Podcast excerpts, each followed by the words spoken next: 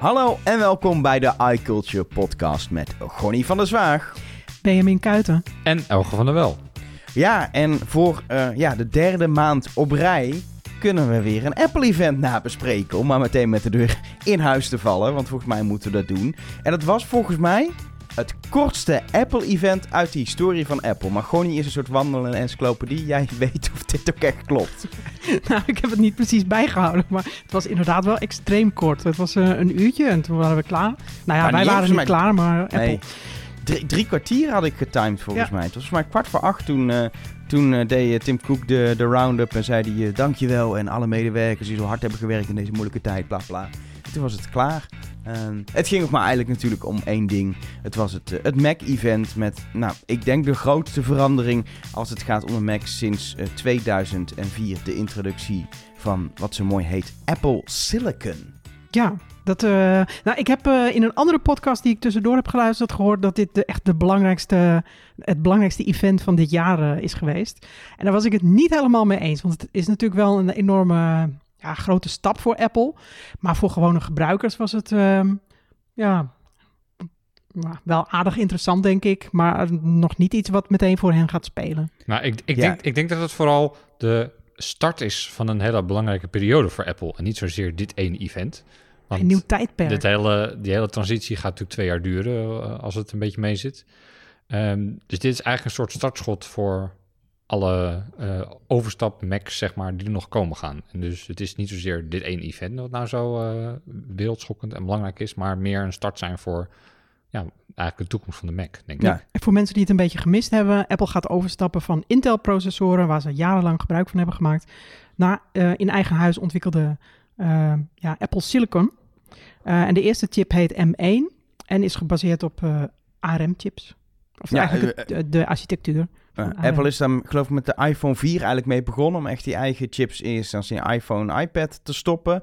Uh, Apple Watch chip hebben ze natuurlijk gemaakt voor eigenlijk elk apparaat behalve de Mac maakte Apple zijn eigen chips. En uh, het lastige is uiteindelijk natuurlijk de Mac, want dat is ja, het apparaat wat uiteindelijk toch het meeste rekenkracht, het meeste power vraagt. En ook nog waarvan de hele software is gebouwd op Intel-processoren. Dat is natuurlijk het extra lastige dingetje hierbij. Dat uh, ja, als jij dan van een, van een chip-architectuur, zoals dat zo mooi gaat uh, heten, als je dan gaat wisselen, dan, uh, dan moet je ook op dat vlak heel veel gaan veranderen. Nou, Apple heeft hier denk ik, ja, we weten niet precies hoe lang, maar jaren aan gewerkt, gesleuteld, uitgeprobeerd. En dit was dan toch, ja, toch wel het moment. En inderdaad, het is denk ik voor de eindgebruiker, het groot publiek is het iPhone-event toch gewoon het belangrijkste. Want dat gaat over welke nieuwe iPhone je hebt. Maar inderdaad, voor Apple zelf was dit wel een heel groot en spannend moment. En nu is de vraag natuurlijk, en dat, ja, we hebben het nog niet in handen gehad. Maar hoe werkt het in de praktijk? Een, een Mac met een nieuwe chip? Want er zijn er meteen drie aangekondigd. Ja, dat klopt. Uh, er is een nieuwe MacBook Air, eh, 13 inch. Uh, en ook meteen alle oude modellen zijn uit het assortiment gehaald. En um, er is een nieuwe 13-inch MacBook Pro, maar daarbij zijn er nog wel wat, uh, wat, ja, wat, high-end modellen die nog wel met Intel-processen werken. En een nieuwe Mac Mini. En dat was voor ons toch wel een verrassing, want we zaten echt uh, ja, te wachten op, uh, op nieuwe MacBooks. En we dachten eigenlijk dat die Mac Mini niet nu al een update zou krijgen. Maar achteraf gezien is het eigenlijk ook wel een logische keuze. Want als je nu bijvoorbeeld een beetje twijfelt, je bent ontwikkelaar en je wil met uh, Apple Silicon aan de slag, dan is het toch wel een, een, ja, interessant dingetje om erbij te kopen. Je hebt een extern scherm nodig, een toetsenbord en je kan eigenlijk meteen uh, bezig. Ja, het is de goedkoopste Mac altijd uit de line-up natuurlijk die ze hebben, de Mac Mini. Dus het is inderdaad voor ontwikkelaars die een extraatje nodig hebben of misschien wel gewoon nerds zoals ons. Ze denken, ah, we willen het even proberen, die, die Apple Silicon. Dan ben je voor een euro of 7, 800 geloof ik. 7,99. Met, uh, ja. met, een, uh, met een Mac Mini. Um, wat ik wel opvallend vond eigenlijk, is ze introduceren eigenlijk één processor.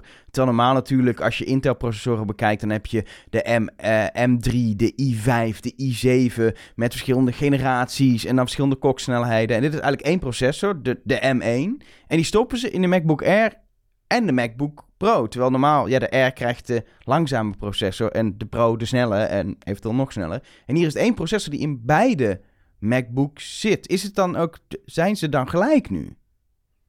Ja, dat weten we niet of ze helemaal precies hetzelfde zijn afgesteld. Maar ik kan me zo voorstellen dat Apple voor elke generatie één, een nieuwe processor uitbrengt. En dan kan het best wel zo zijn dat, dat een bepaalde model blijft achterlopen. Dus dan bijvoorbeeld de Pro krijgt volgend jaar wel een A15 processor, maar de R blijft dan nog een tijdje op A14.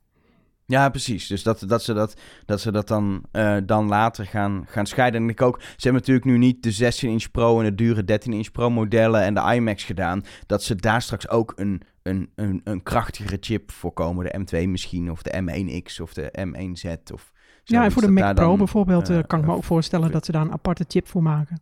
Ja, we moeten natuurlijk afwachten wat uiteindelijk de, de, de benchmarks worden, zoals dat dan zo mooi heet, hoe snel ze daadwerkelijk zijn. Maar een verschil al wel tussen de Air en de MacBook Pro is dat in de MacBook Pro zit een ventilator om te koelen en in de MacBook Air niet. Dus ja, mijn verwachting is dan wel, misschien uh, dat Benjamin zegt dat klopt niet, maar dat die Air minder presteert omdat die chip niet gekoeld wordt met een ventilator.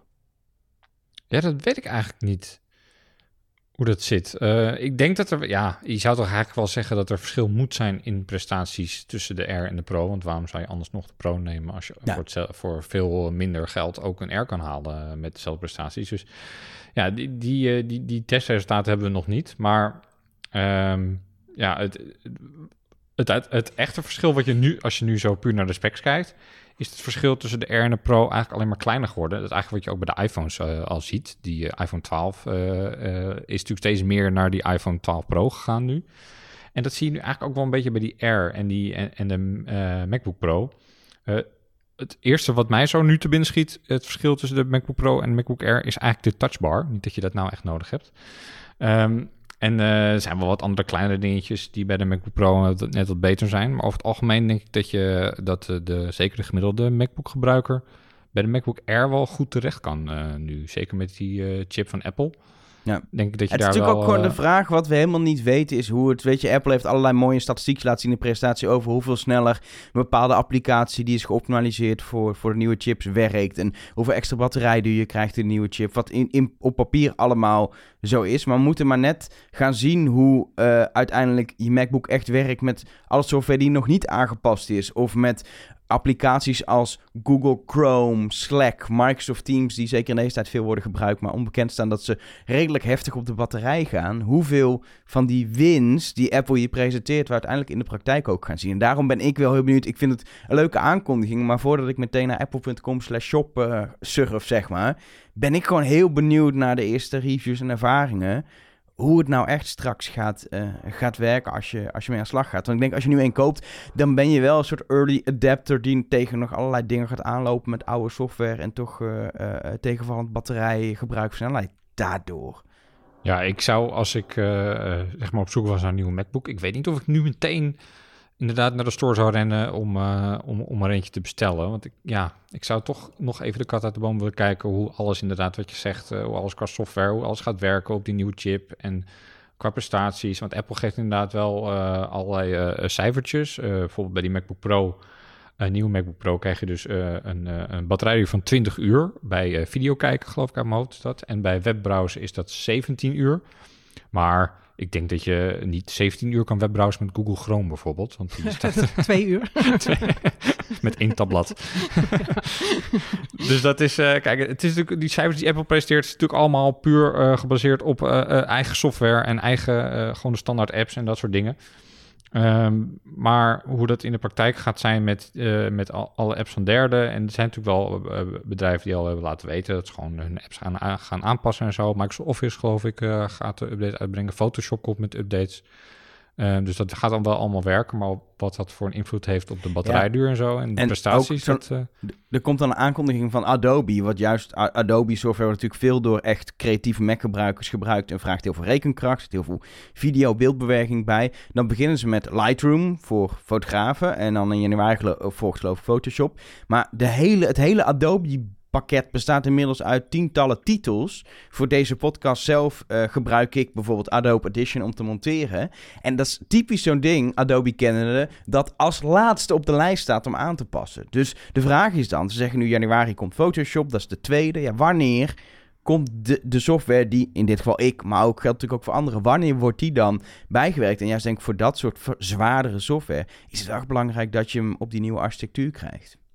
Ja, eh, behalve software zijn er eigenlijk nog veel meer beperkingen die nu gelden. Uh, ik heb uh, voor iCulture een uh, lijst gemaakt met allemaal voor- en nadelen en, van de M1-chip. en dan kwam ik eigenlijk op een paar voordelen, maar toch ook best wel veel nadelen. bijvoorbeeld dat er nog geen Windows-ondersteuning komt. Um, virtuele machines zijn nog niet aangepast. En als het komt, dan kan je niet zomaar je ja, je vertrouwde x86-versie van Windows 10 gebruiken, maar dan moet je een speciale ARM-versie van Windows gebruiken. Nou, die is nog een beetje in ontwikkeling, minder goed. Um, je mag maar maximaal één extern scherm aansluiten. Je hebt geen uh, eh, eGPU-ondersteuning. Um, je kan je RAM niet uitbreiden, dus je werkgeheugen. Je kan je opslag niet uitbreiden. Um, je hebt geen Thunderbolt 4. En ja, dat, is eigenlijk nog best wel een lang lijstje waarvan je, tenminste waarvan ik zou zeggen, ik zou het nog even aankijken. Ja, het is natuurlijk ook niet voor niks hè, dat ze eigenlijk begonnen zijn echt met de instapmodellen om die overstap te maken. Dus die 16-inch MacBook Pro, die is nog gewoon alleen een Intel. Uh, de high-end 13-inch MacBook Pro's uh, zijn nog alleen met Intel. Dus de Apple heeft echt gekozen voor de, de, de, de voordeligste, meest instapmodellen Mac, Macs. Dus de Mac Mini en die MacBook Air en de instap MacBook Pro. Um, dus dat is dus niet zonder reden, omdat er nog best wel gewoon nadelen zitten. En ja, het is nog niet uitontwikkeld. Maar wat zou jij mensen aanraden die nu een, een MacBook nodig hebben? Dus een, een beetje een high-end. Zou je nu nog uh, Intel kopen? Nou, als je, ja, dat vind ik ook weer lastig om nu nog, ja, ik zou nu, als je op zoek bent naar een, als professional op zoek bent naar een high-end MacBook, zou ik nu niet meteen een, bijvoorbeeld een 13-inch uh, MacBook met M1-chip kopen, omdat je gewoon nog tegen die beperkingen aanloopt. Maar om nu nog te gaan investeren in een Intel MacBook, ja, dat ligt er ook aan hoe oud je huidige MacBook is, denk ik. Ja. Als, je, als je even een jaartje kan wachten, zou ik in ieder geval het jaartje ja. uitzitten. Ik heb zelf heb ik, heb ik echt een dure MacBook Pro, een high-end gekocht, de 16 inch. Dat is gewoon een investering van bijna 3000 euro die je doet. Die is prima. Als je nu koopt, steeds prima. Maar over twee jaar denk je wel, ja, wat er tegenover staat, met hopelijk dan Apple's eigen chip, is waarschijnlijk met dan ook doorontwikkeld software echt echt heel veel beter. En dan baal je best wel dat je nog niet zo lang geleden die investering van zoveel geld hebt gedaan voor die Intel Mac, denk ik dan. Als je nu gewoon eentje nodig hebt, high-end, koop gewoon een Intel. Die dingen zijn prima, die blijven ook werken. Alleen, er komt waarschijnlijk iets beters aan. En ja, dit zijn nu echt de eerste modellen, ook nog de onderkant van, qua power van wat er, wat te doen is. Die gaan echt een beetje de early adapter modellen zijn wacht dat af. Of als je heel graag dat wil proberen, moet je voor mij ook gewoon proberen. Maar ik denk even geduld hebben. Gewoon even op je plaats. Ik ben zelf ook zo ik wil het hebben, ik wil het proberen. Maar voor mij moet je gewoon, denk nu even, als het kan, even geduld hebben. En sowieso, ook als je een Air wil kopen, zou ik gewoon over een instap MacBook Pro gewoon even die reviews afwachten. De eerste ervaringen. Want Apple presenteert het heel mooi. We hebben ook meer technische details dan ooit gezien, volgens mij, in een, in een presentatie. Uh, maar de praktijk moet het nog... Uh, uitwijzen. Ik ben er trouwens wel door dit hele verhaal achtergekomen wat het fenomeen chipbinding is. Het is een heel technisch verhaal, maar ik weet niet of jullie daar iets over hebben gehoord. Nee, nee. vertel me alles. ja, ik denk in lijn met, de, met het uh, technische niveau van de keynote kunnen we het wel even bespreken. Maar als jullie misschien is wel opgevallen, in de uh, MacBook Air, er zijn twee versies van, um, is één versie van de M1, de goedkoopste versie, die heeft maar uh, 7 GPU-cores in plaats van... Ja, dit heb ik inderdaad... Ja, ja, dat heb ik gezien. Dat, komt dus door chipbinding. Wat er namelijk gebeurt als je chips bakt, want die bak je ongeveer letterlijk, dan gaat het best wel vaak mis met één zo'n core. Dat er net even één core niet goed uit de machine komt rollen. En die chips kun je weggooien, omdat je zegt, ja, die is niet goed. Of je kan zeggen, oké, bij sommigen is er dus één core niet goed. Die kunnen we nog prima verkopen. Intel heeft ook allerlei chips op de markt. De goedkopere lijn processoren zijn eigenlijk mislukte, duurdere processoren. Die dus eigenlijk teruggeschaald worden omdat ze niet helemaal goed zijn. En dat doet Apple eigenlijk ook. Als er dus één GPU-core niet goed is, dan wordt die gewoon niet gebruikt. En dan heb je een 7-core GPU in plaats van 8-core GPU. En die zetten ze gewoon nog in je apparaten. Ja, ik wist dit ook niet. Ik heb dit allemaal de afgelopen dagen eens gelezen toen het over ging. Waarom heeft hij zeven cores? Nou, dat komt dus omdat het eigenlijk dus een, een misbaksel is. Oh, dat wist ik helemaal Het is een soort van een soort vergeten groente van de, van de MacBooks. ja, maar het zorgt er wel voor dat Apple uh, minder chips hoeft weg te gooien. Dat is zo duurzaam, maar ook in de kosten uh, kun je het wel goedkoop houden. Um, en daarom uh, zie je ook dat Apple eigenlijk alle prijzen gelijk heeft kunnen houden. Of zelfs op sommige producten heeft kunnen zeggen: we gaan zelfs nog iets goedkoper. Dat komt omdat Apple uh, ja, dat productieproces natuurlijk zelf in de hand heeft. Maar ook gewoon slim omgaat met wat er van die lopende band komt afrollen in zo'n uh, chipfabriek. Geen idee of ze daar een lopende band hebben, maar dat zie ik zo voor ik moet wel eerlijk zeggen dat ik een beetje baal. Want ik, eh, ik heb heel lang gewacht met de aankoop van een eh, nieuwe MacBook Air. En dit voorjaar heb ik er eentje gekocht, 13 eh, inch. En ik zet aan de onderkant van de markt, dus die van mij was maar 1500 euro.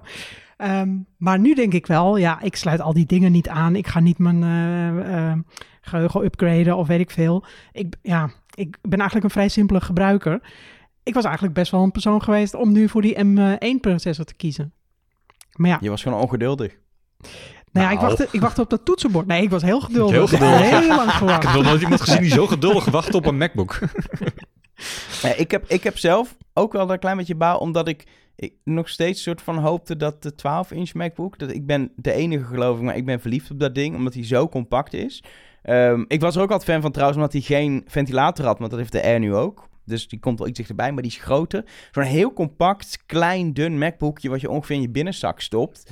Eh, overdreven een beetje, maar ik vind, ik vind dat heel fijn. En eh, ik had eigenlijk gehoopt dat die soort reïncarnatie zou krijgen hier met eh, M1. Maar Apple eh, heeft gewoon de MacBook Air gepakt. Wat ook wel logisch is, want het, ik denk dat er voor MacBook Air een veel groter publiek is dan voor zo'n heel klein MacBookje. Dat is echt denk ik een Ik- soort niche ding voor de elgers van deze wereld. ik, ik denk dat je, als je zo'n echt een hele kleine MacBook wil, dat je nog, misschien nog wel beter een iPad kan kopen. Met ja, maar ik wil wel Mac OS. Ja, Dat is het, ik zit ja. daar continu mee. Ik kan een iPad Pro of een iPad Air met een toetsenbord, et cetera, niet vervangen. Overigens is een iPad Pro met het hele Magic Keyboard en een eh, Apple Pencil erbij... is echt vele malen duurder dan een MacBook Air. Dat eh, klopt Dus- ook, ja. Dat moet je ook op een gegeven moment vergelijken. Maar ja, het klopt inderdaad dat, dat Apple denkt voor die groep... je wil een klein, compact, meeneembaar computerapparaat... eigenlijk de iPad steeds meer in de markt probeert te zetten. Dus het is ook wel logisch dat ze dan niet een 12-inch gaan maken. Ehm, in ieder geval een mooie lijn MacBooks... eh, die er nu, en, en, en, Mac Mini natuurlijk, die er staat. En ik denk dat we volgend jaar eh, onder andere toch de iMac hopelijk gaan zien. En de duurdere MacBook Pro's. En misschien zelfs uiteindelijk, dat wordt natuurlijk het spannendste, een Mac Pro. Ik was nog eigenlijk benieuwd, vinden jullie het jammer dat Apple niks aan de designs veranderd heeft van de, van de MacBooks? Mm, eigenlijk wel. Dan had je meteen kunnen zien van, ik heb die nieuwe. Ja, precies. Want het, het, het, het enige wat ze nu hebben gedaan eigenlijk is bij die Mac Mini...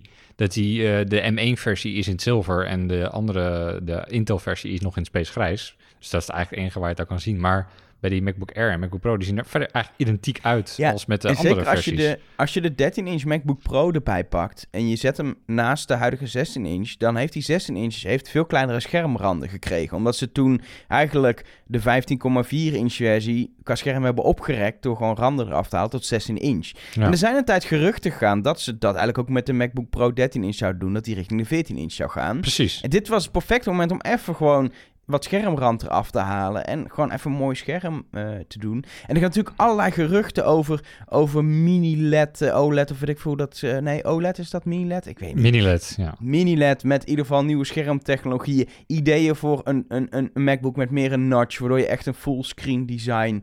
Weet je, er zijn genoeg ideeën en geruchten. ehm, maar wat we krijgen is, en ook wel logisch, een focus op die chip. En gewoon wat ze al hadden liggen aan, aan, aan behuizing en design. Wat ze hergebruiken. Ehm, maar ja, laat ik het zo zeggen. Als ze straks komen met een iMac met het huidige design en een M1 of M2 of M3 of M1 X-chip erin, dan zeg ik, dit kun je echt niet meer maken, Apple. Nee. Daar moeten ze toch echt naar een redesign Maar ik toe. denk dat ze dat ook echt niet gaan doen. Als die nieuwe iMac komt met de Apple's eigen chip erin, dat wordt dan, dat wordt, nou, ik durf bijna vergif op in te nemen dat dat een, in ieder geval een nieuw design krijgt. En dan denk ik dat Apple ook naar een bijvoorbeeld 24 inch gaat. Ehm, ja, ik, ik kan me echt niet voorstellen dat Apple, zeg maar, het oude Intel-achtige design van die iMac nog, nog weer na, eh, nou, het is nu al eh, eh, ruim acht jaar oud, dat design, dat Apple dat nu nog weer gaat hergebruiken met alleen een nieuwe chip in. Ik kan me niet En- voorstellen dat ze ja. dat doen. En denk eens na, als je dus geen, niet per se, actieve koeling nodig hebt. Je hebt ook geen per se een harde schijf nodig. Je kan eigenlijk wat je in een MacBook Air stopt aan componenten, wat bij MacBook Air ook nog grotendeels batterij is, kun je in een scherm stoppen. Dan kun je toch een extreem dunne, vette iMac maken. In vergelijking met wat het nu is, waar heel veel ruimte erin zit om een harde schijf kwijt te kunnen en koeling te hebben, et cetera. Er is gewoon zoveel kans om echt een soort, ja, een, een, letterlijk een dun scherm aan een standaard te maken, wat dan de iMac is. Met die nieuwe technologie die er nu is. Ja. Ik zou dolgraag een iMac met het, eh, het design van een Pro Display XDR willen hebben, maar ja. met een voet van 1000 euro weet ik niet. En ik wou eh, zeggen, met dezelfde prijs. Ehm, naast eh, ehm, eh, de, de nieuwe Macs komt ook natuurlijk de nieuwe software eraan. eh, macOS Big Sur. Die draait zowel op alle Macs die je, nou niet alle, maar op alle Macs van de afgelopen jaren. ehm, en op die nieuwe Macs. Onder de motorkap gebeurt er dan echt van alles. Ehm, daar zullen we nu niet te veel op ingaan, maar er wordt van alles geëmuleerd. En een applicatie die een ontwikkelaar maakt, heeft eigenlijk een Intel-versie en een gewone versie in één en zo. Dat is, heeft Apple volgens mij allemaal best wel goed geregeld. Maar ik denk voor veel mensen wordt Big Sur gewoon een update waarin macOS er anders uitziet. En jij draait volgens mij echt al sinds, eh, sinds het begin van de beta-periode op een van je apparaten Big Sur, toch, Gonnie? Eh, ja, op, eh, op mijn belangrijkste Mac. Eh, Op je was belangrijkste ook. Ja, dat was Dat was dat goede YOLO. idee. maar Don't los try van, this at home. los van dat het misschien soms een beetje bumpy road was de afgelopen maanden, hoe bevalt het? Ik moet eerlijk zeggen, ik heb er geen spijt van. Ik heb eigenlijk geen problemen gehad. Ik heb af en toe dat als ik bijvoorbeeld de Twitter-app opstart, dan, dat hij dan vastloopt of zo. Maar dat, ja, nou, dan twitter ik maar even niet. Maar voor de rest heb ik eigenlijk heel weinig problemen gehad. Eh, eigenlijk werkt alles en eh, ik ben eigenlijk wel benieuwd. eh, ja, ja, of ik bedoel eigenlijk wel onder de indruk hoe goed Apple dat gemaakt heeft. Want het, is ach- ja, onder de motorkap, wat mensen dan zeggen, is het echt wel een heel grote update. En hoe, hoe bevalt dat nieuwe, dat nieuwe design? Want eh, alles is op zich nog redelijk op, op dezelfde plek natuurlijk. Je hebt gewoon nog het dock, et cetera. Het ziet er allemaal meer uit zoals we van, van iOS en vooral ook iPadOS nu kennen. Was dat meteen vertrouwd? Eigenlijk wel. Ehm, ja, eh, vakjes waar je, als je moet inloggen bijvoorbeeld, dan zie je meteen dat het anders is. Eh, je hebt nu een soort eh, ja, lang, langgerekt pilvormig vakje waar je je wachtwoord in tikt. Nou ja, dat, dat is natuurlijk niet echt anders. Ehm, het valt wel meteen op. En bijvoorbeeld ook de transparantie en eh, bijvoorbeeld die balk bovenin, eh, waarbij je dan, als je naar het bedieningspaneel wil, dan moet je even opletten dat je op van die schuifjes moet klikken. En als je de notificaties wil zien, dan moet je op de, de datum en tijd klikken. Nou, dat moet je ook maar net weten, maar dat gaat eigenlijk wel vanzelf. Ik heb ook eigenlijk ja, nul gewenning gehad.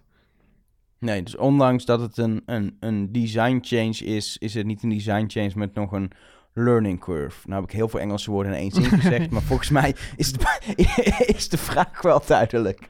Nou, je kan bijvoorbeeld ook wel met die widgets bezig gaan. Dat is best aardig. Maar als je dan de widgets op iOS bekijkt, dan...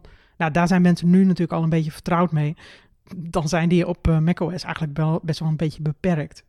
Helemaal geen third-party eh, widgets. Tenminste, die heb ik niet gebruikt. Eh, en die van Apple zijn eigenlijk ook best wel beperkt.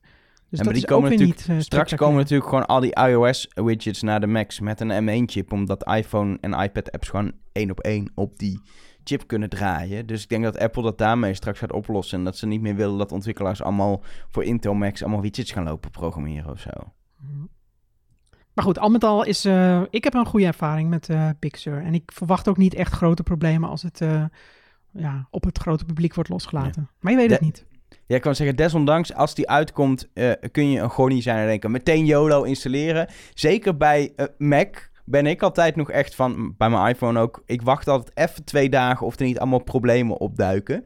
Ehm, Hij is wel uitgebreid. Hij is wel heel Hij is- erg uitgebreid getest. Het, is, Ja. het waren eh, tien beta's van de, zeg maar, de standaard versie van macOS Big Sur. En daarna nog een beta van een eh, 11.0.1, een soort bugfix update. En daar zijn dan ook nog twee release candidates van verschenen. Dus het zijn zeg maar 13 testversies van juni tot nu. Dus ja, je zou bijna zeggen, het kan niet misgaan. Maar ja, Of er gingen juist heel veel mis. en er Apple gaat heel veel- extra lang testen. ja ik dat kan zeg, ook nog. bij- bij- inmiddels weten we van Apple dat je het nooit helemaal zeker weet. Nee, er duiken gewoon altijd weer bugs op. Daar, daar ontkom je gewoon niet aan. Eh, er zijn eh, miljoenen eh, devices met allerlei verschillende configuraties in alle verschillende situaties. Eh, als jij je Mac weer net eventjes iets anders gebruikt, dan is, heb je misschien dat je net weer tegen dat ene bugje aanloopt. Ja, dat, het is natuurlijk altijd lastig om dat goed en helemaal waterdicht te kunnen testen, omdat je, ja, de, de echte test begint eigenlijk pas als miljoenen mensen dat allemaal gaan, eh, gaan, gaan installeren en gebruiken. En dan krijgt Apple al die diagnostische informatie binnen, bla bla, bugfixes, vastlopers en zo. En dan, ja, dat zie je ook wel gewoon snel. Dat de, de daarna, die, die, eh, die nog gewoon de, de eerste belangrijke bugs op. Dat zag, je- dat zag je ook deze keer weer bij, de, bij iOS 14 en iPadOS 14 en ook WatchOS 7. Dus eigenlijk, eh, mm, als je echt zeker wil zijn, dan kun je, wat mij betreft, denk ik beter best nog wel even een maandje wachten. Dan weet je gewoon dat... Maar- eh, Echt? Ja, nee, als je echt- dat als je- geduld als heb je toch niet. Nee, dat geduld heb je misschien niet. Maar als je kijkt naar iOS en, eh, en, en, en, en iPadOS en WatchOS... Die, die, die rare bug met die GPS-routes en zo... dat is nu pas een, een week geleden opgelost. Er zijn al, zit al in november en die update kwam in, in september uit. Dus ja, Ja, maar je weet, je weet wel na een week of dat soort bugs er zijn. oké. eh, je- ja, je- dat is waar. Je kan natuurlijk wel de reacties afwachten... en na een week inderdaad beslissen van... ik ga Ik, nu- ik, wacht nu gewoon tot doen. komend Ja. weekend en dan in het weekend installeer ik hem gewoon hoor. Gewoon, eh, als ik dan ni- niks seks heb gehoord, gaat hij gewoon op, me, op al mijn Macs en dan ga ik lekker om. Allemaal tegelijk Ehm, doen ook. Volgens mij hebben we het nog nooit ge- zo lang gehad over de Mac überhaupt in, de in de iCulture podcast. En we kunnen natuurlijk niet eh, alleen maar over de Mac hebben. We moeten het ook nog even over de iPhone hebben. Want ik, eh, ik eh, ben er inmiddels heel blij mee. Mijn iPhone 12 eh, Pro. Eh ben je met, nou, jij hebt de gewone iPhone 12 in je, in je bezit. Ja. Ehm en gewoon niet ook een Pro, maar jullie hebben inmiddels ook de Mini binnen en de, en de Max binnen. Er zijn natuurlijk vier verschillende modellen om te testen. Hebben we een soort algemeen oordeel over de hele lijn? Eh, ja, dat eigenlijk de iPhone 12 voor de meeste mensen goed genoeg is. Maar dat zal ook niemand ver- eh, verbazen. Er is eigenlijk dit jaar zo weinig verschil tussen de 12 en de 12 Pro. Dat eh, als je heel erg twijfelt, dan zou ik zeggen: hou die 200 euro gewoon in je zak. Tenzij je het gaat uitgeven aan verkeerde dingen, dan. eh. Bijvoorbeeld een lekkere reis of zo. Dat eh, lijkt me nu niet zo goed. Dan toch maar. Ik kan niet op vakantie, dus ik koop maar de 12 Pro. Ja, Dan, als dan je- koop ik maar de extra, lure, eh, extra luxe 12 Pro. Ja, dat is- Nou, wat ik ook wel gehoord heb van heel veel mensen, is dat nu ze thuis zitten, dat ze eigenlijk helemaal niet zo'n behoefte hebben aan zo'n grote iPhone. En ik heb dat bij mezelf ook gemerkt. Ik heb die eh, de 12 Pro Max uitgepakt en ik dacht, man, wat is dat ding groot. Ehm, en als je vaak onderweg bent, zit je in de trein, dan wil je een filmpje kijken, dan heb je wel behoefte aan een wat groter scherm. Maar als je alleen maar thuis zit, dan hoef je alleen maar notificaties te lezen. En dan heb je eigenlijk behoefte aan een kleinere iPhone. En ik merk dan ook wel dat eigenlijk die 6.1 voor mij nu prima is. Ja, ik, ik, ik, ik zag op, op Instagram, ik ben het aan het opzoeken, maar ik kan het net niet meer vinden. Maar jij, jij noemde die, die 12 eh, Pro Max, wat noemde jij nou? Een shovel of zo? Ko- kolenschoppen? zo? Kolenschop, dat was het, ja. Nou, ik had een, ehm, een foto gezien van Joanna Stern van de eh Wall Street Journal. En ik dacht, nou, die foto, dat klopt niet. Dat is een truc of zo. Je zag hele kleine handjes en dan een enorme eh, telefoon. Dus ik dacht, ik ga ook zo'n foto maken om te kijken. Ik, nou, mijn handen zijn dan niet zo klein als die van Joanna. Maar je, je krijgt inderdaad de indruk dat het echt zo groot is. Ja, maar die camera, hè? om- Nou, nee, niet, het komt door de platte zijkanten. Want normaal Ja, loopt het een beetje rond en dan voelt het nog een beetje ja, elegant of, of ja, slank aan, zeg maar. Maar dit is gewoon echt een blok.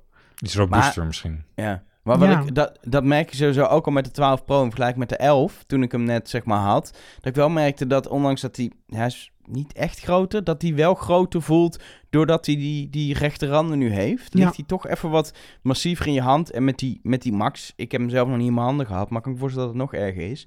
Ehm, maar ik zei niet voor niks, ik zei die camera, omdat ik bedoelde, die, die camera van die Max, die is beter. Zeker als het, eh, als het donker is, dan, dan heb je gewoon een betere camera met de Max dan met de gewone Pro. En dat vind ik, vind ik als iemand die de camera heel belangrijk vindt, best wel frustrerend. Want ik wil niet zo'n grote telefoon, die heb ik niet gekocht bewust, maar ik had heel graag wel in mijn, in mijn 12 Pro, ik heb niet voor niks, de Pro, had ik de beste camera willen hebben. En dat daar dan weer een verschil in zit, vind ik dan best wel, ja, best wel een beetje jammer van Apple. Ja, vind ik ook wel jammer. Want eh, dit eh, verhaal hoor ik eigenlijk best wel vaak. Mensen willen de beste camera, maar ze willen ook niet zo'n hele grote telefoon. Dus dan kiezen ze toch maar voor de Pro. Maar ja, eigenlijk is dan een compromis van iets wat je eigenlijk niet wil.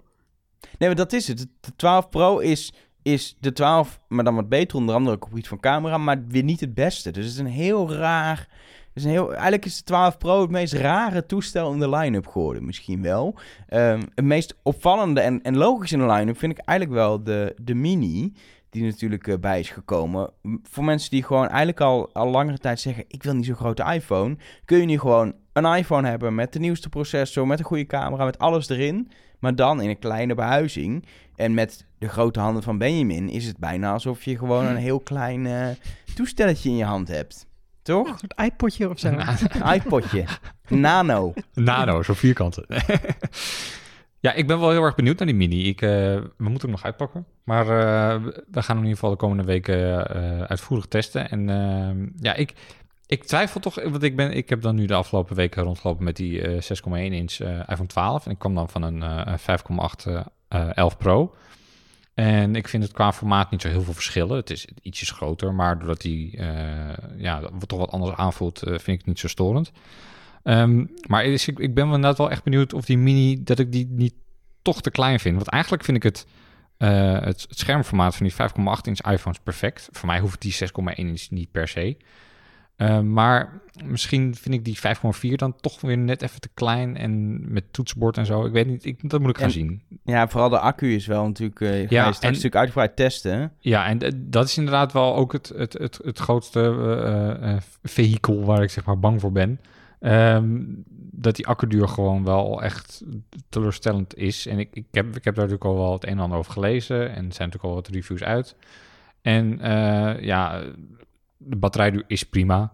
Ehm, misschien nu in deze tijd wanneer je veel thuis zit, veel wifi zit en dat je het ook niet zo eh, veel merkt. Maar als je echt inderdaad straks weer flink de deur uitgaat, eh, hopelijk, dat je dan met een eh, een 12 mini eh, onderweg, dat je dan toch wel sneller op zoek moet gaan naar stopcontact. Ik hoop het Ja. niet, maar dat gaan we zien. Over, over de stopcontact en batterijduur gesproken. Gonnie, je hebt volgens mij een compleet weekend van jouw leven opgeofferd aan het uitproberen van 600 verschillende oplaadcombinaties. Draadloos, MagSafe, weet ik veel wat. Met alle verschillende laadblokken om te concluderen hoe je het beste je iPhone kan opladen, toch? Eh, ja, dat klopt. Nou, wat, ik heb wat steeds de conclusie? timer gezet. eh, eh, en ik heb ze- hem steeds te laten... eigenlijk duurde het nog het langst om ze te laten leeglopen. En ik heb elke keer Ja. vanaf, ja, vanaf nul. En dan heb ik een timer gezet voor 30 minuten. En dan heb ik gekeken hoe ver die opgeladen was. En het snelste gaat natuurlijk nog steeds met een kabel. Met, eh, met een snellader. Ehm, en draadloos opladen, dat is gewoon heel erg traag. Tenzij je die MagSafe charger van Apple gebruikt. Maar ja, dan ben je weer 45 euro kwijt. En je hebt dan een 20 eh, watt eh, adapter nodig. Dus je moet er even in investeren. Maar dan kan je ook draadloos redelijk snel opladen. Het zou handig zijn als ze die 20 watt adapter, omdat die nodig is voor die MagSafe, dat ze die doen. bij de iPhone zouden stoppen. Dat is Wat een goed idee, Alger. Ik kwam opeens in me op. Ja. Misschien moet je het eens eh, aan uh, feedback.apple.com. eh. nee, maar ik, eh, vind, vind jij die MagSafe nou echt eh, een aanwinst, die oplader? Ik heb hem niet meer gebruikt sinds ik hem getest heb. Nee, Hij ligt ik, er gewoon op tafel. ik, ik heb hem als, eh, ik heb hem op mijn nachtkastje ook liggen. En ik, ik, ik vind het op zich in bepaalde situaties vind ik het wel een makkelijke lader. Maar ja, ik weet niet of ik daar nou... Ik, ik heb daar toch de afgelopen tijd, nadat ik hem getest heb, niet echt meer heel vaak... betrap ik mezelf erop dat ik hem echt gebruik. dus jij bent Ja. ook niet de doelgroep voor de duo charger. Nou, eh, die vond ik dan weer interessanter. eh, in ieder geval om te zien, dat je hem op kan vouwen, makkelijk meenemen. Dus je hebt Weet eigenlijk je wat je allemaal kan doen met dat geld? Ja, eh, 150 ik, euro. Ik, ik, Elger, ik was er niet uitgepraat. 150 euro Ik was er voor niet een uitgepraat. oplader. Sorry. Zonder Hij zag, er in blokje. te- hij zag er op papier, zag er toen we nog geen prijs wisten, zag je er leuk uit. En dan denk ik, nou, dat is wel een interessant ding. Eh, eh, het is eh, gewoon de, die, dan die nieuwe MagSafe en dat Apple Watch dokje erbij. Dus makkelijk als je makkelijk meenemen, opvouwen als je een keer een weekend weggaat, zodra het weer mag. Ehm, maar toen eh, hoorde ik de prijs en dacht ik van ja, mm, was wel weer te, te verwachten van Apple, 150 euro. Ja, kijk, eh, die losse MagSafe eh, die kost al 45. Eh, een Apple Watch dock van Apple kost al 79, dus zit je al best wel over de ruim over de 100 euro heen. Nou, gooi er nog wat bovenop. Oké, nou, dat kon ik dan nog over mijn hart verdragen. Maar als je dan ziet hoe die in, gebruik is, dat, dat die, als je je iPhone eraf wil halen, dan neem je de hele lader mee. En, eh, want en- want het, dat gewicht van die lader, van die duo charger, is eigenlijk net even te, te, te licht om, eh, om, om die, of eigenlijk is het magneet te sterk, waardoor die dus die hele lader meeneemt. Ja, en, en ik weet niet. Het is toch, eh, mm, ik weet het niet hoor. Zal ik een bekentenis doen? Het, het, het is geen airpower, laat ik het zo zeggen. Nee zal, ik, nee, zal ik een bekentenis doen? Ik laat dus nog steeds mijn iPhone gewoon op met zo'n zo'n dun 5 watt blokje met een USB-A aansluiting en een oude USB-A naar Lightning kabel. Die ligt gewoon op mijn nachtkastje. Hij laat toch de hele nacht op. Dus dat Is- doet het nog dat steeds prima? prima. En dan hoor ik al die leuke dingen en dan denk ik, ja, maar ik, ik, ik heb het gewoon op een nachtkastje liggen. Ik plug hem s'avonds in, s ochtends is hij vol. En onderweg heb ik gewoon altijd mijn MacBook-lader eigenlijk bij me. En dan heb ik een USB-C naar Lightning kabel. En dan stop ik hem of in mijn MacBook of in het blok van mijn MacBook. En dan laat hij lekker snel op als ik onderweg even power nodig heb. En dat is prima. En dan denk ik, ja, ziet er superleuk uit. MagSafe en allerlei draadloos opladen oplossingen en, en dingen voor op je nachtkastje. Waar ik, je, ik ben klaar met twee kabeltjes. Maar dan Ja. misschien ben ik gewoon gemakzuchtig, dat kan ook. Nee, dat is ook gewoon zo. Ik bedoel, als je alleen maar s'nachts je, je iPhone oplaadt... dan heb je natuurlijk dat hele snel laden en de MagSafe, fancy dingen... dan heb je misschien helemaal niet nodig. Als je aan het eind van de dag nog, eh, weet ik veel, eh 20, 25 procent eh, of 10 procent eh, accu over hebt... dan kun je natuurlijk gewoon prima voordat je gaat slapen... eh, je iPhone in, in het kabeltje steken... of die eh, kabel in je iPhone steken... en dan word je ochtends wakker en is opgeladen. Ja, daar is natuurlijk helemaal niks mis mee. En dat kun je natuurlijk gewoon nog steeds doen. Dus voor die doelgroep is het inderdaad ook niet, eh, niet echt nodig... Maar ik, ik moet zeggen dat ik, ik heb dan wel zo'n zo'n zo'n fancy eh, Belkin-ding eh, op mijn nachtkastje staan. Dat is met, voor mijn watch en mijn iPhone in één. En dan vind ik het toch wel makkelijk dat ik gewoon alleen mijn iPhone erop hoef te zetten met één hand en gewoon eraf kan pakken. En het is meer een luxe ding dan dat het echt nodig is. Ik heb gewoon twee kabels op een nachtkastje. Dat is ook luxe. Ja, ja dat is waar. Dat doet het. In ieder geval, volgens mij hebben we het er genoeg over gehad. Ehm, de reviews van de, van de iPhone 12 Pro en, en de Mini Max uiteindelijk ook, die eh, vinden we natuurlijk op iCulture.nl. Ik vind wel dat je hem snel moet uit gaan pakken, die Mini, Benjamin. Ik snap dat Ja, even er een Mac ik- tussendoor ik- kwam met een M1-chip Ja, en een podcastopname. Het, was, Maar- het is even druk, maar eh, jij kwam nog tussendoor. Dus, Hij ligt eh, daar. hij- ja, ik, ik zie hem liggen. Ik, ik, bijna in eh, handbereik. Dus Nou. ik ga hem zo meteen uitpakken. En dan horen we het in een latere aflevering nog wel hoe dat, hoe dat bevalt. Er is één ding waar we het volgens mij nog over moeten hebben voordat we klaar zijn. Ehm, en ja, het wordt een beetje cliché, maar we misten hem weer. De AirTag. Terwijl inmiddels er zelfs ja, foto's gelekt lijken te zijn van wat soort van de sleutelhangerbevestiging zou kunnen zijn van de AirTag. Hij lijkt heel dichtbij. Maar toch zo ver weg. Ja, Ja. waar blijft Ja, hij nou? Ik, eh, ik denk dat dit gewoon niet het goede moment is voor Apple om dat ding nu aan te kondigen tijdens zo'n Mac-event. Het is eigenlijk ook een beetje, het draait allemaal om de om Mac. En dan zou Apple in één keer een heel iets nieuws gaan introduceren. Dat, dat trekt ook de aandacht weg van waar het event eigenlijk Ja, om maar gaat. als hij nu klaar is en werkt, dan wil je hem toch met, de met de kerst in Amerika en Sinterklaas in Nederland op de markt hebben. Ja, eh, aan de ene kant wel. Maar aan de andere kant, ja, mensen gaan nu niet zoveel de deur uit. Dus raken ook niet zo snel dingen kwijt. Dus de noodzaak voor zo'n accessoire is nu misschien ook gewoon iets minder. In En huis dus- kun je ook van alles kwijtraken, weet ik uit ervaring. Ja, dat is waar. Bijvoorbeeld een Apple TV afstandsbediening. Eh, maar eh, ik denk dat, het, eh, dat in het voorjaar, in maart, dat, er dan, dat we hopelijk ook wel al met z'n allen wat meer naar buiten mogen en kunnen. En eh, het mooie weer wordt en dat je de, de deur weer uit kan. Dat, je dan, dat Apple dan zegt van kijk eens wat we hier voor jullie hebben, de AirTag. En bevestig hem overal aan. Aan je sleutelbos, aan je portemonnee, aan je weet ik veel wat. En ja, ik hoop dat die dan komt.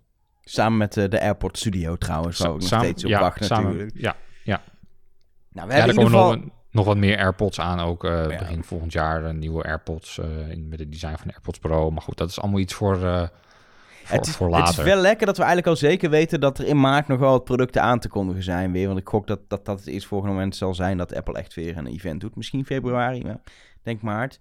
Ehm, dat we wel weten dat er nog wat op stapel ligt. En eh, als we even terugkijken, september, oktober, november. We hebben vier iPhones, twee Apple Watches, twee iPads, drie Macs gekregen. Het, het was nogal een stapel producten die Apple even de wereld aan heeft eh, geslingerd in, eh, in dit najaar natuurlijk. Ja, het was, eh, ik kan me niet een najaar herinneren. Kun jij iets herinneren dat het zo, ooit zo, zoveel Nee. producten zijn geweest? Zo verspreid en dan ook nog zoveel accessoires erbij. Want natuurlijk die hoesjes en, en weet ik veel. Bandjes. Ook eh, bandjes, eh, die gevlochten bandjes. Die zijn trouwens eh, tot half januari uitverkocht. Ja, 13 januari heb Ja. je hem binnen. Als je nu bestelt. Oh, wow. Voor de kerst. Nee, vooral ook, en wat mij vooral opviel als je terugkijkt, is heel veel producten met een nieuw design. Drie nieuwe iPhone designs uiteindelijk door die nieuwe line, of, of vier, ja, vier zelfs eigenlijk. En een, een nieuw, eh, eh, compleet nieuw iPad Air design. En een nieuw chip design, met dan wel dezelfde designs. Van, maar het zijn he- echt heel veel, het zijn niet soort van kleine updatejes geweest die we hebben gekregen ook. Het Nee, was het echt zijn- wel gewoon ja. echt nieuwe producten. Het zijn niet allemaal wel, specbumps geweest. Nee, precies. Dus eh, wat dat Ja. betreft een, eh, een mooi najaar met drie events om op, eh, op terug te kijken. Bevalt jullie ook eh, de verspreiding van de events met drie stuks? Of zeggen Nou, jullie, doe maar nou, gewoon weer één grote Nou, feest? Doe maar twee. Doe maar Twee. twee. Nou, het is wel, het is wat meer gespreid. Dus eh, je bent niet in één keer dat je, eh, want eh, ja, mensen realiseren zich misschien niet eh, altijd, maar na een event zijn we nog best wel lang bezig om al die informatie weer te verwerken. Want er ontstaan natuurlijk heel veel vragen. Mensen stellen ons constant vragen, hoe zit het dan met dit? En eh, ja, werkt dat ook samen? Dus we zijn eigenlijk nog best wel lang bezig. eh, en ik heb nu een beetje het idee dat er maar geen eind aan komt. Want ja, het ene event is, we zijn dus nog met de reviews van die iPhones bezig. En dan komt er alweer een Mac aan.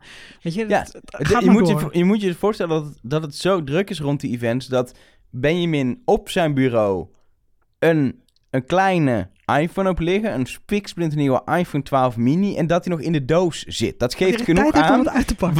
Tijd om het uit te effect is. Precies.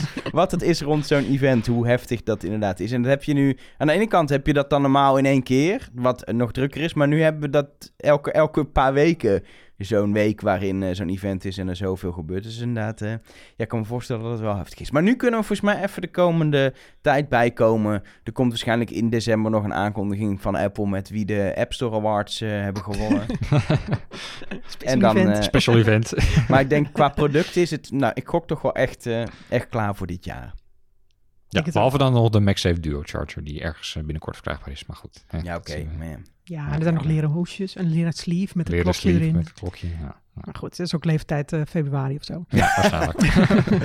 Eh, wij zijn er gewoon over een paar weken weer met, nou ja, hopelijk dan in ieder geval eh, Benjamin's eh, ervaringen met, eh, met de iPhone 12 mini natuurlijk, als die uitgepakt is. Maar, maar ik denk dat we toch ook wel op een of andere manier weer aan een Mac gaan komen om eh, de M1 eh, ervaringen te kunnen, kunnen gaan delen, gok ik, hè? Ja. Nou, dan gaan we dat volgende keer doen. Voor nu, eh, hartelijk dank voor het luisteren naar deze aflevering van de iCulture eh, podcast. Heb je nou specifieke dingen waarvan je denkt... Oh, kunnen je daar de volgende keer ook op ingaan als het gaat om al die nieuwe producten? Of heb je specifieke vragen of opmerkingen? Laat ze gewoon even achter in de comments op iCulture.nl. En als je ons een leuke podcast vindt of...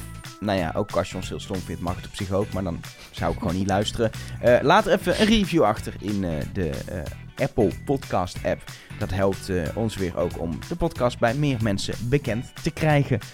Rest mij nog het woord aan jullie te geven voor eh, het bekende laatste woord. Doei!